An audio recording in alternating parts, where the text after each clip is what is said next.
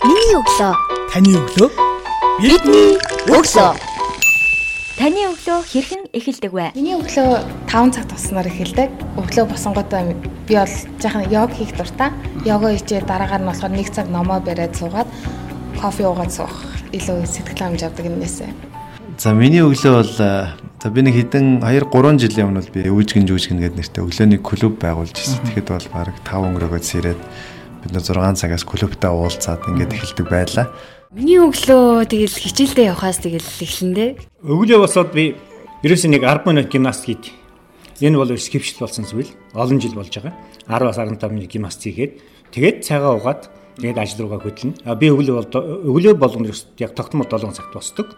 Шөнө 12 цагт унтдаг. Миний өглөө ер нь 6 өнгөрөөж босоод өглөө эрт цайгаа уучаад ажилдаа явахаас эхэлдэг. 6:30 гээд ер нь босдог. За тэгээ босчоод яг нэг өглөөд бол нэг юм дасгал хийдэг л дээ. Одоо нэг өөрийнхөө хичээлжсэн төрлүүдээр хоёрын спортын нэг цөөхөн төрлөөр. Аа өглөө босоод хамгийн түрүүнд нэг 15 орчим минутын дасгал хийдэг. Тэгээ йоганы дасгалууд хийн. Аа тэгээд дараа нь ер нь өглөөний цагаа алгасахгүй байхыг айгүйх боддог. Тэгээ сүүлийн нэг 2 2 жил бол ер нь их сайн уудаг болсон, байнга уудаг. Хүн бүхний өглөө өөр өөрөөр эхэлдэг. Минийх, таних, бид бүгдийнх. Яг л үүний адил бидний хүсэл тэмүүлэлч өөр өөр. Тэр хүсэл тэмүүлэлд хүрэх арга зам бас л өөр. Гэхдээ амжилтанд хүрсэн алдартнуудын амьдралын зам тэмж дардан байгаагүй. Тэд өөрт оногдсон цаг хугацаанд хүсэл тэмүүллийн төлөө цаг минут тутамд хөдөлмөрлөж бидэнд дурсагдах алдрыг хүртсэн. Үе тэнгийн залуус юу хийж бүтээж бидэнд тэгш заяагцсан тэрл цаг хугацаанд юуг бодож, юунд тэмүүлж явдгийг миний өглөө цуврал подкастаар дамжуулан бусад залуус түргэж, урам зориг, хүсэл тэмүүлэл бэлэглэх зорилготой билээ.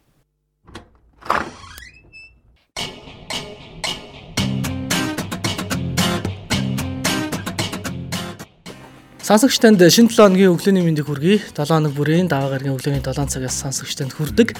Миний өглөө цуврал подкастын 33 дахь дугаар хүрч байна. Та подкастаа Монгол Үндэсний олон нийтийн радиогийн 3 дугаар сувг P3 радиогоор даваа гараг бүрийн лавг мегмар баасан гараг бүрийн өглөөний 8 цаг 15 минутаас сонсох боломжтой. За мөн M+ аппликейшнээр дамжуулан 7 хоног бүрийн өглөөний даваа гарагийн 7 цагаас сонсох боломжтой юм а. Ингээ 33 дахь дугаарын зочноор шар хариг хамтлагийн дуучин аялагч ганхуу ахыгаа урьж оролцуулж байна. Танд өглөөний мэнд хүргэе. Өглөөний мэнд хүргэе.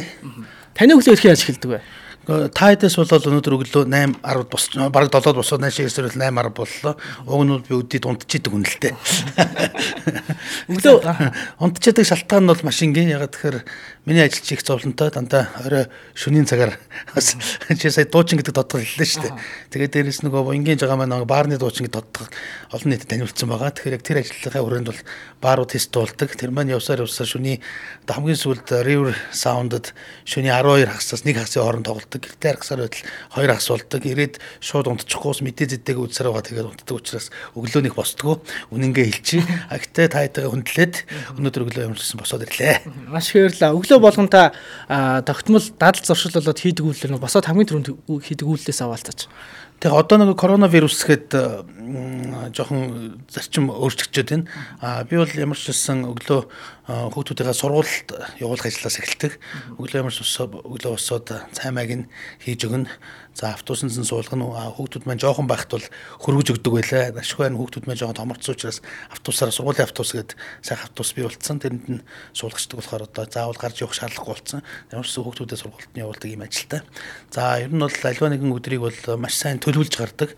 Тийм учраас өглөө одоо кофе ууж явахдаа өнөөдөр ямар ямар ажил амжуулах уу, хаагаар явах уу, хинтээ уулзах уу, баг цаг график гаргаж ижил. Тэгээ төлөвлөсөн ажлуудаа хийгээд яваад оройн ирээд ажлуудаа амжуулж хэдэн хувьтай байна гэдээ харахаар их сэтгэл ээг байдаг. Бас ямар зориггүй өнгөдөө гараа явах чуудахгүй байдаг учраас аливаа нэгэн зүйлийг бас төлөвлөж ивэл их зүгээрээ жижиг гэлтгүүл бүх юмдыг төлөвлөж явах л гэж хувьдаардаг та. Ажлын төлөлтөө та юун дээр хөтэлдэг вэ? Оо утсан дээр одоо нөгөө дэлхийн хүмүүсийн бүх хүмүүсийн гар гар дээр ирчлээ шүү дээ тий. Ашгүй энэ ухаалаг утас гэдэг юм бий болсноос хойш л одоо ер нь бол өмнө нь одоо тэгэл лаптоп тэгэл iPad гэл бүхэл юмнуудыг л авч цуглуулдаг. Тэрийг нэг бас өөрийнхөө хэмжээнд хэрэглэх гэж боддог байсан бол одоо энэ смартфонууд гарчснаас хойш бүх зүйл утсан дээр байдаг болсон. Тийм учраас утасныхаа одоо календарыг ашиглаад л бүх зүйлээ төлөө явчихна да. Тасаа дуучин гэдгээс гадна таныг би айлш гэж тодтогсон. Яг одоогийн байдлаар та хичнээн дэлхийн хотуудаар аялсан байна. За хотууд гэдээ ярих юм бол зам алдах байх. Зүгээр улс гэх юм бол одоогийн байдлаар 118 улсаар аялчаад байна. Одоо энэ 3 сарын 14-нд дууг нь Катар руу ээлжид аялаа хийгээд явах хэрэгтэй байсан боловч харамсалтай нь Катард саяхан бас коронавирус илэрсэн учраас төр засгаас ерөөдөө бол одоо энэ коронавирусын илэрц гарсан голомттой ийм улсууд руу аль болохоор аялахгүй байхыг уриалж байгаа учраас ер нь бол нөгөө хуйлал дагандаа гэдэг шиг хуйлаа дагсан дээр авах гэж бодож байна. Тэгэхээр энэ удаагийн аялал маань жоон цуцлагдчих шиг байна. Тэгэхээр та дэлхийн хотуудаар аялсан туршлаасаа бидний сонсож байгаа залуучууд бас зөвлөгөө өгвөл яг Улаанбаатар хотын тухайд бол энэ хотыг хамгийн сайн мэдих хүн бол бас таныг болов гэж би хувьдаа боддtiin. Тэгээд та энэ хотыг амьдарч исэн хүүхэд ахваснаас өнгөрөөсөн залуунаас өнгөрөөсөн тэгээд дэлхийн улс орнуудаар аялсан. Тэгээд тэр аялсан хотуудтай ингээ өөрийнхөө төрлөх хотыг харьцуулахад даваа болон сул талыг та нэрлэж байна. Ер нь яг бид нар өөрснөө нөгөө за мэдээж одоо хүн болгон садагчаа дотгошоо явдаг болсон. Хаашаач явж байхдаа бол хүмүүс мэдээж өөрийнхөө хотыг бол баг томгүй харьцуулж явдаг байх гэж бодож байна. Аа тэгээд зүг зүгтэй минь бас хоттой аваад хэрэгжүүлчих юмсан. За буруу зүйлийг хот руугаа оруулахгүй байх юмсан ч гэдэг юм уу. Аа гэхдээ нэг зүйлийг би анзаарсан бид нар яг ямар хотод амьдарч байгаа бас төдийлсөн сайн мэддэг юм байлаа. Одоо ингээд бусдад дэлхийн олон орнууд тэр дундаа олон хотуудтай за бүр наривчлаад хэлэх юм бол олон нийслэлүүдтэй ингээд харьцуулаад үзэхэд бол манайх бас тийм ч муу бол э, биш. Ялангуяа 90 оноос хойш тэр дундаа чөлөө зах зээлийн нийгэм бий болсноос хойш хот маань бол өргөжин тэлж бас орчин үеийн загвар сайхан тийм одоо метрополитен хот болж байгаа. Мэдээж засаж залруулах, янзлах маш олон зүйл байгаа. Манайхан зүгээр нэг буруу ойлголттой байдгийн одоо хотын иргэд маань ялангуяа хөдөө орон нутгаас одоо маш их нүүдэлт судал наашаа ирж байна. За одоо болж игэл зарим нэг нь одоо тараа гэж гэдэг ч юм уу те. Тэгэхээр бид нэг зүйлийг маш сайн ойлгох хэрэгтэй. Бид нар бол 90 онд иргэд буцалтгүй арчлал тэр дундаа чөлөө зах зээлийн нийгэм сонгосон байгаа. Зах зээл гэдэг бол ерөөсөө хүн дээр тогтож яадаг. Тэгэхээр одоогийн байдлаар нийслэл маань нэг сая 350 мянган хүн ирж очтоо сая 500.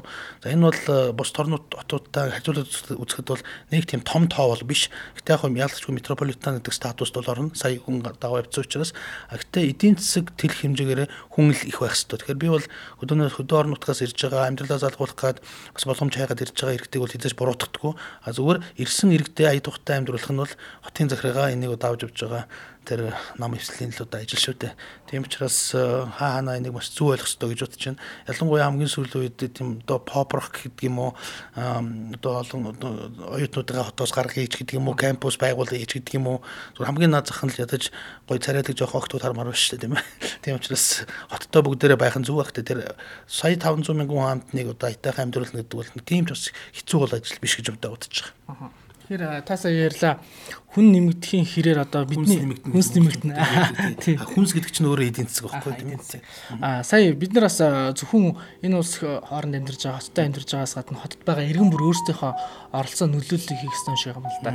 Аа төр засаг одоо шийдвэр гаргах төвшний хүмүүс бидний сайхан амьдрах ёстой гэж төр засгаа хараад улс төрчдөөс муулахаас илүүтэй иргэд өөрсдөө бас бодит амьдралдаа ямар өөрчлөлт ямар шинжилтийг хийж чадж байна. Хоттой хэрэгэлтэй амьдарч байна. Бас хэр бодитоор оролцож чадж байна гэдэг. Та Улаанбаатартын залуучуудыг энд амьдарч байгаа таны нэрлсэн тэр олон залуус иргэд олон нийт өрх айлууд энэ хотынхоо хөгжинлөө хэрхэн оролцож байна? Оролцоо ямар төвшөнд ингэ шаарч байна? Дэлхийн бус хотуудын иргэдтэй ингэ харьцуулахад. Ер нь бол харин гайгүй шүү. Манайхан бол одоо ялангуяа энэ сошиал ертөнц хөгжснөөс хойш бол задуучуудын санаа зовх альва нэг юмд хандах хандлага гэдэг юм уу маш их өөрчлөгдөж байгаа. Аль болохоор иргэдийн оролцоог бий болгох тал дээр бол төр засаг маань ч гэсэнс гайгүй ажиллаж байна. Ялангуяа одоо би ч нөөрөө 4 жил бас нийслэлийн төлөөлөгч байсан. Тэр үед бол бид нар маш олон иргэний тамхинуудыг байгуулж ирсэн. Альва нэгэн асуудлыг тухайн орон орон орон нутагт амьдарч байгаа иргэд нь өөрснөө шийддэг бай. Тэднийхээ санал одоо бодлыг сонсдог бай гэсэн аянуудыг нэлээд одоо ичмтэй явуулж ирсний үүднээс задуучууд маань тэр дундаа нийслэлчүүд маань иргэд маань бол өдөр тутмынхаа ажилд бол одоо бас хангалттай дажгүй оролцож байгаа гэж би хувьдаа харж байна. Аа одоо яг ингэ коронавирустэй холбоотой ингэж ярихад бол мэдээж альва нэгэн эрсдэл дандаа бас боломжийг дагуулж идэг. Өнөөдөр дор дороо бүгдээрээ хичээгээд төрөлсгийнхаа одоо даалгаврыг биелүүлээд атгалаад л наан одоо одоо юу гэдэг шүлсэний дээр гудамжиндаа хаяхгүй хогоо хаяхгүй маска зүгээд гэртээ ороод гараасаа угаах эдгээр чинь одоо ингээд зуршил болж эхэлж байна л да. Жишээлбэл би бол гэртээ ороод нэх бас нэг тийм одоо яг үнэнгээ хэлэх хар мараа угаагаад идэг тийм байсангүй. Одоо бол нэг баг мис заслын эмч шиг л гэртээ ороод гараа угааж штэ. Энэ маань хичнээн одоо ингээд мэдээж цаг хугацааны үед коронавирус арилгал баг. Энэ маань ингээд эргээд хүн болгоны гоё ингээд сайхан дадал зуршил болчлоо. Хүн болгон одоо шүлсэний дээр хаяхаа болчлоо. Гэхмэчлэн гэвчлэн ингээд ярих юм бол яг зөв нэг базаад идэхэд бол дор дороо хүн болгон хичээх юм бол бүгдээрээ нийлээд тэр бүх хүмүүсийн хичээлт маань улс орноо хөгжүүлэх тэр дундаа нийслэл гоё болоход бол нэмэр болно л гэж харж байна. Таас иргэд өөрсдөө сум оронтын төсөв шийддэг боллоо. Энийн дэхэн байгуулах гэж чинь. Яг үүнтэй адилхан яг энэ бидний ярилцж байгаа сангийн хүчит 3 сарын 1-ээс эхлээд оронтын хөгжлийн сангаа 2021 оны иргэдийн санал асуулах Smart UB application нэгдээд тэгээд саналаа тусгасан байлээ. Таны зүгээс яг өөрийн амьдарч байгаа дугаар хорооны орчин тойрондоо саналаа тусгаач игвэл ямар ямар саналыг тусгах вэ? Аа. Тий одоо нөгөө би түрүү хэлсэн бүхэн болгоны гарт смартфон байна те. Тэр дундаа энэ техник технологийн хөгжил бидний амьдралд яалчгүй айгуу сайхан нөлөөлж эхэлж байна. Чиний дурдсан дөрөв нөгөө орон нутгийн сан гэж одоо байлаа хөгжлийн сан гэж байлаа шүү дээ. Тэрэнд бол бид нар миний санаж байгаагаар жилдээ ч юм уу эсвэл удирдалтаа нэг удаа цаасан хэлбэрээр бас өөрсдийнхээ одоо бодол саналыг бол хөргүүлдэг гэсэн бол одоо нөгөө коронавирусаас үүдээд гадагшаа энэ төр ялангуяа олон хүний бөөнөрлөн төр байх болохгүй үүднээс их зүй зүйтэй нэг аппликейшн санаачилсан байлээ тэр нь бол Smart UB тийм ээ. Тэгэхээр Smart UB аппликейшнийг гаруудсан дээр татснараа та бүхэн өдөр тутмынхаа өөрийн байгаа орчиндөө санал бодлоо илэрхийлэх тэр болцоог нээж байгаа юм байлээ. Тэр Smart UB аппликейшнийг татаад санал бодлого гэсэн эсрэг рүү ороод өөрсдийнхээ одоо бодж байгаа зүйлийг бол одоо нь зүйтэй хаа гэж бодож байна. Миний хувьд бол би яг дугаар хорооны иргэн гэхээсээ илүү өөрөө нөгөө хотын төлөөлөгч байсан гэдэг утгаараа тэр дундаа бас нэг улс төрд олон жил явсан Хүний хувьд бол илүү нөгөө макро төвшөнд нь нутгийн хөгжил ямар чиг хандлагатай байх ёстой юм. За энэ төвжирлийг яаж шийдэх ёстой юм. Маш олон зүйлүүдийг байнга ярьж бичдэг байсан. Маш олон нэвтрүүлэг хийдэг байсан. Ялангуяа нийтийн тээврийн асуудлыг одоо яаж шийдэх юм бэ? Одоо бидний хамгийн том толгойн өвчин болчиход байгаа энэ төвжирлийг яаж сааруулах юм бэ гэдэг зүйл дээр өөрийнхөө чад татгаар л одоо хүмүүст хүрхийг хичээж олон нэвтрүүлэг метроны талаар бол нэвтрүүлэг хийснэ гэж бас санаж байгаа гэж бодож байна. Тэр үднээсээ бол зүгээр яг дугаар хорооны иргэн гэхээсээ илүү нотыгоо хөгжил дэвшилд бол өөрийнхөө хувь нэмрийг бол хангалттай оруулаад хангалттай ажиллаж явж байгаа болов ялангуяа бас нэг Facebook дээр Twitter дээр олон даагчтай гэдэг утгаараа олон хүнд урайлах ялангуяа хотын хөгжлийн талаар хотын соёлын талаар олон нэвтрүүлэг хийх Eagle List одоо сая бүрэн зураглал гэх нэвтрүүлэг хийлээ жишээлбэл соёлын талаар бас олон нэвтрүүлэг хийжсэн. Гэхдээ гихмшлэн гэмшлэн ярих юм бол иргэн хүнийхээ хариуцлагыг үүрээд тодорхой хэмжээгээр бас жамлахааргүй э, ажиллаж байгаа болов уу гэдэг өөрийг жоохон магтчихъя гэж бодож байна. Яг одоо энэ цаг мөчид хүмүүс яг энэ коронавирусээс холбоотой амьдралын хэмээг дадал зуршлыг өөрчилж байна шүү дээ. Одоо тодорхой нэг үйлдэлийг 7 3 7 хоног буюу 21 оноос дээш тавтаар тэр нь зуршил болдог. Яг үнэ. Яг тэрэн шиг та яг амьдралынхаа хэм маягт одоо чинь өөрийнхөө нэг үйлчлэр хөв 5 10 жилийн хугацаагаар яг одоогийн түвшинд ямар дадал зуршил бас эерэг өөрчлөлтийг амьдралдаа хэрэгжүүлж байна. Одоо чи ингээд статистик харж байгаа бол олон нийтийн газар нэг цуглахгүй гараа угаах тэр зуршил сүлсэн тэрэ хаяхгүй гэд ингээд харахаар бид нар зөвхөн коронавирусээс одоо өөрсдөө хамгаалаад байгаа юм шиг боловч эргээд одоо эрүүл мэндийн яамнаас өгж байгаа статистикийн тоонуудыг харах юм бол том өвчин тийм үү. За тэгээд бүр цаашаа ярих юм бол бэлгийн замын өвчин ингээд ярих юм бол одоо илэгний архаг өрөвсөлч гэдэг юм уу те уушгины те гэх мэтлэн маш олон үзүүлэлтүүдээр маш олон юмнуудаар аягүй сайжирсан харагдаж байгаа байхгүй. Тэгэхээр энэ бол ерөөсөө л иргэн болгоны одоо өөрийнхөө ариун цэвэрт анхаарал хандуулад ингээд явах юм бол цаашдаа ч гэсэн коронавирус арилсан ч гэсэн цаашдаа ингээд явах юм бол бид нар бас жижиг шажиглалтгүй өвчлүүдийг бас ингээд урьдчилан сэргийлээд иж болох юм байна гэдгийг бол тод томор харуулж байна л да. Тэгэхээр энэ зуршил маань л одоо хүн болгоны нэг тийм хэцүү зуршил бол биш гэдэг хамс одоо бид нар ингээд хүчээр нь ашгүй ашгүйч явах одоо энэ коронавирус гарч ирж энэ зуршилтай болж байна. Энийгээ бүгдээрээ ингээд цаашаа хэрэглэж явхад бол бидний амьдралд маш их өөрчлөлтүүдийг. Тэгээд эн чинь өөрөө ганц туршил гэхээс илүү хүнд одоо ингээд юмд хариуцлагатай хандах тэр ухамсарт нь бас суулгаж өгж байгаа бусдаа саад болохгүй байх ч гэдэг юм уу тийм ээ. А ер нь бол би бас энэ нийгмийн нэг эдисэн юм шүү. Би хариуцлагатай байх юм бол бусдын хариуцлагатай байх юм байна гэдэг ч юм уу. Хүмүүжлийн талаас ч маш олон том том ажил бүгдлийн тус өгүүлж байгаа юм бол одоо харагдаж байгаа болов уу гэж бодож байна. Хувийн талаас одоо залуучуудыг та бидний сонсож байгаа олон залуучуудад таныг дагж байгаа Facebook, Twitter, Instagram хуудасаар дагж байгаа олон залуучууд донд бас бидний одоо энэ подкастыг сонсож байгаа бол хувь байх хэвээр хамгийн чухал гурван чадварыг нэрлэжээг бол та ямар гурван чадварыг нэрлэх вэ? Ягаад бас тэдгээр гурван чадварыг сонгож байгаа вэ? Тэгэхээр би нөгөө хичнээн Япон улсад маш олон жил олон удаа айлчилж одоо очиж аялж байсан ч айлчилж байсан ч гэсэн 25 дугаар суугийн 2100 гэдэг 21 мянган гэдэг реалити шоу. Тэрний яг Японд учраас 2100 йен гэдэг реалити шоунд нодлон жил яг өдөрт очих завшаан гарч ирсэн. Тэгээ тэр маань би тэнд 10 гаруй одоо яг тэр тэмцээний хугацаа нь бол 10. А тэгээд очих эргэтэйг нийлээд 14 хон хонсон. Тийм удаан бол тэнд байгаагүй. Тэр хугацаанд одоо юу ихтэй нөгөө тэмцээнд орж байгаа. Тэгээд чинь нөгөө гадагшаа тагшаа гарч болохгүй. Тэгээд өрөөндөө байж байгаа юм чинь Японы талаар бас нэлээд сайн судалгаа хийсэн. Номуудыг уншсан, интернет нэлээд сайн ухсан. Тэн дээр надад нэг л зүйл маш их таалагдсан. Тэр нь Японы философи ямар байдг вэ гэхээр ерөөсөө л хүн цаад болохгүй амьдрах гэдэг философи. Тэгэхээр хүн цаад болохгүй амьдрах гэдэг бол аюул чухал философи юм байна. Ингэжээж энэ улс орн чинь бас хөгждөг юм байна гэдэг ч юм уу те. Тэгэхээр хамгийн түрүүнд ми хэлж байгаа залуучууд зархиж байгаа зүйл бол хүнд битгий саад болгосоо гэсэн энэ мессеж хамгийн чухал юм байна. Тэгээ энийг л ингээд баримтлах юм бол ерөөсөө тэгэл олон нийтийн газар одоо чанга орилоод авахгүй хамгийн наацхаас нь те метронд ингээл чанга уцаар яриад авахгүй. Жишээл метронд ингээл орохороо Японд бүгд уцсныхаа дууг унтраадаг те. Ягаад тэгэхээр энд хамт метрон сууж байгаа хүмүүсийн амгалан тайван байдлыг алдагдуулнаас гэдэг юм үү те. За 0-д ингээл ороод бийцсахта Япон хүн бол жишээлбэл 0-оос гарахтаа дараагийн хүн орж ирнэ гэж бодож маш гоё цэвэрхэн байлгач гэдэг юм те. Гэх мэтлийн дандаа өөрийгөө ихээсээ илүү бусд хүмүүсийг боддог тэр хандлага нь маш их таалагдсан учраас энэ зуршлыг Монголдо ингээд нэвтрүүлчих юм бол бид нар цаашаа хөгжөөд маш одоо амархан байна даа гэж хэлье. Жишээ нь дэлхийн топ хотуудыг Токио ч юм уу те Сидней ингээд дөрөвдүгээр нэг тодорхой нэг зүйлээр төсөөлдөг. Японыг Австралиг, Америкийг, Англиг а яг тэрэн шиг Улаанбаатар хотыг та Улаанбаатар хотын хувьд гэд хэлэх онцлог зүйлийн та юу боддог? Тэг яг бид нар нөгөө ялангуяа наач аялал жуулчтай бас холбоотой явчин те яаж өөрсдийнхөө ямар байдлаар сурталчлах вэ гэдэг нь бол бас том философи байна одоо жишээл Парис гэн гол одоо хайр дурлалын хот гэдэг юм уу? Тэгээд тэрний бэлэг тэмдэг нь Эйфелийн цамхаг байдаг ч юм уу те? Токиогийн гол одоо түн бужигнсан одоо гоё метрополитан гэдэг юм уу? Сиднейгийн гол одоо опера хаус гэдэг юм уу? Гэх мэтлэн тийм үү? Ийм хүн юмуд байгаа. Зүгээр яг Улаанбаатар ингээд харахаар төдийлөн бид нар тэрүүгээр шүү онцлог шүү гэдэг юм төдийлөн харагдахгүй байна. Тэгэхээр энэ дээр бас хаана бүгдээрээ бодолцох хэрэгтэй. Зүгээр яг өмнө бид нар Улаанбаатар цагаан дагна гэж бол ярьдаг байсан тийм ээ? Азийн цагаан дагна гэж ярьдаг байсан. Одоо тэр маань бол өнгөрж явах шиг байна. Тэгэхээр э, бид нар бусад одоо энэ нэгдсэн үндэсний байгууллагад бүртгэлтэй 200 гаруй улсаас бид нар юугаараа илүү ялгарх хэвтэй юм. Одоо энэ даяарсан нийгэмд бид нар юугаараа сонгоорох хэвтэй юм. Юугаараа бид нар бусдаас өөрмөцсөн. Тэрийг бол одоо англиар uniqueness гэж яриад байгаа юм л да. Тэрийг маш сайн тодорхойлох хэвтэй болов.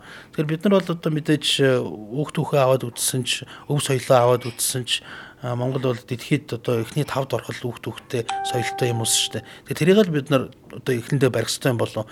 Тэгэхээр бид нар одоо юу гэдэг нүүдэлчин соёл иргэншлийн одоо төвж гэдэг юм юу гэдэг нь одоо нэг тийм гоё ураа гаргаал тэрэндээ зохицуулаад явах хэрэгтэй болоо гэж бодож харж байна. Яг одоо бол ингээд Улаанбаатар тэрийг үзээд ирээч гэхээр бас зүзүүж харуулах юм бас тун хоор байна л да таныг одоо маш завгүй ажиллаж байгаа амьдрч байгаа амьдралын юм аяг ч юм бол сошиал орчин төдийгүй бодит амьдрал дээр ингээ хүмүүс бүгд мэдэрч байгаа. Тэгээ явуулын Википедиагээ таныг нэрлэдэг шүү дээ. Мэдгүй юм багхгүй хаахгүй бас. Наа чи тий яг манай нөгөө яг төмсгэр би чинь яг одоо хамтлаг дуучлалын бүгд түүхийг нөгөө 6 жил энэ ностальжи гэдэг нэвтрүүлгийг хөтөлсөн үднэс мэдлгүүл яг одоо тэрийг жоохон ярьснээр манай цоомоо авчиад явуулын Википедиал болгоцсон юм шиг байна. Гэтэ энэ нэрэндээ би бол их хайртай болчиход байгаа. Ягаад тэгэхээр энэ нэр бас намайг хариуцлагажуулаад байгаа.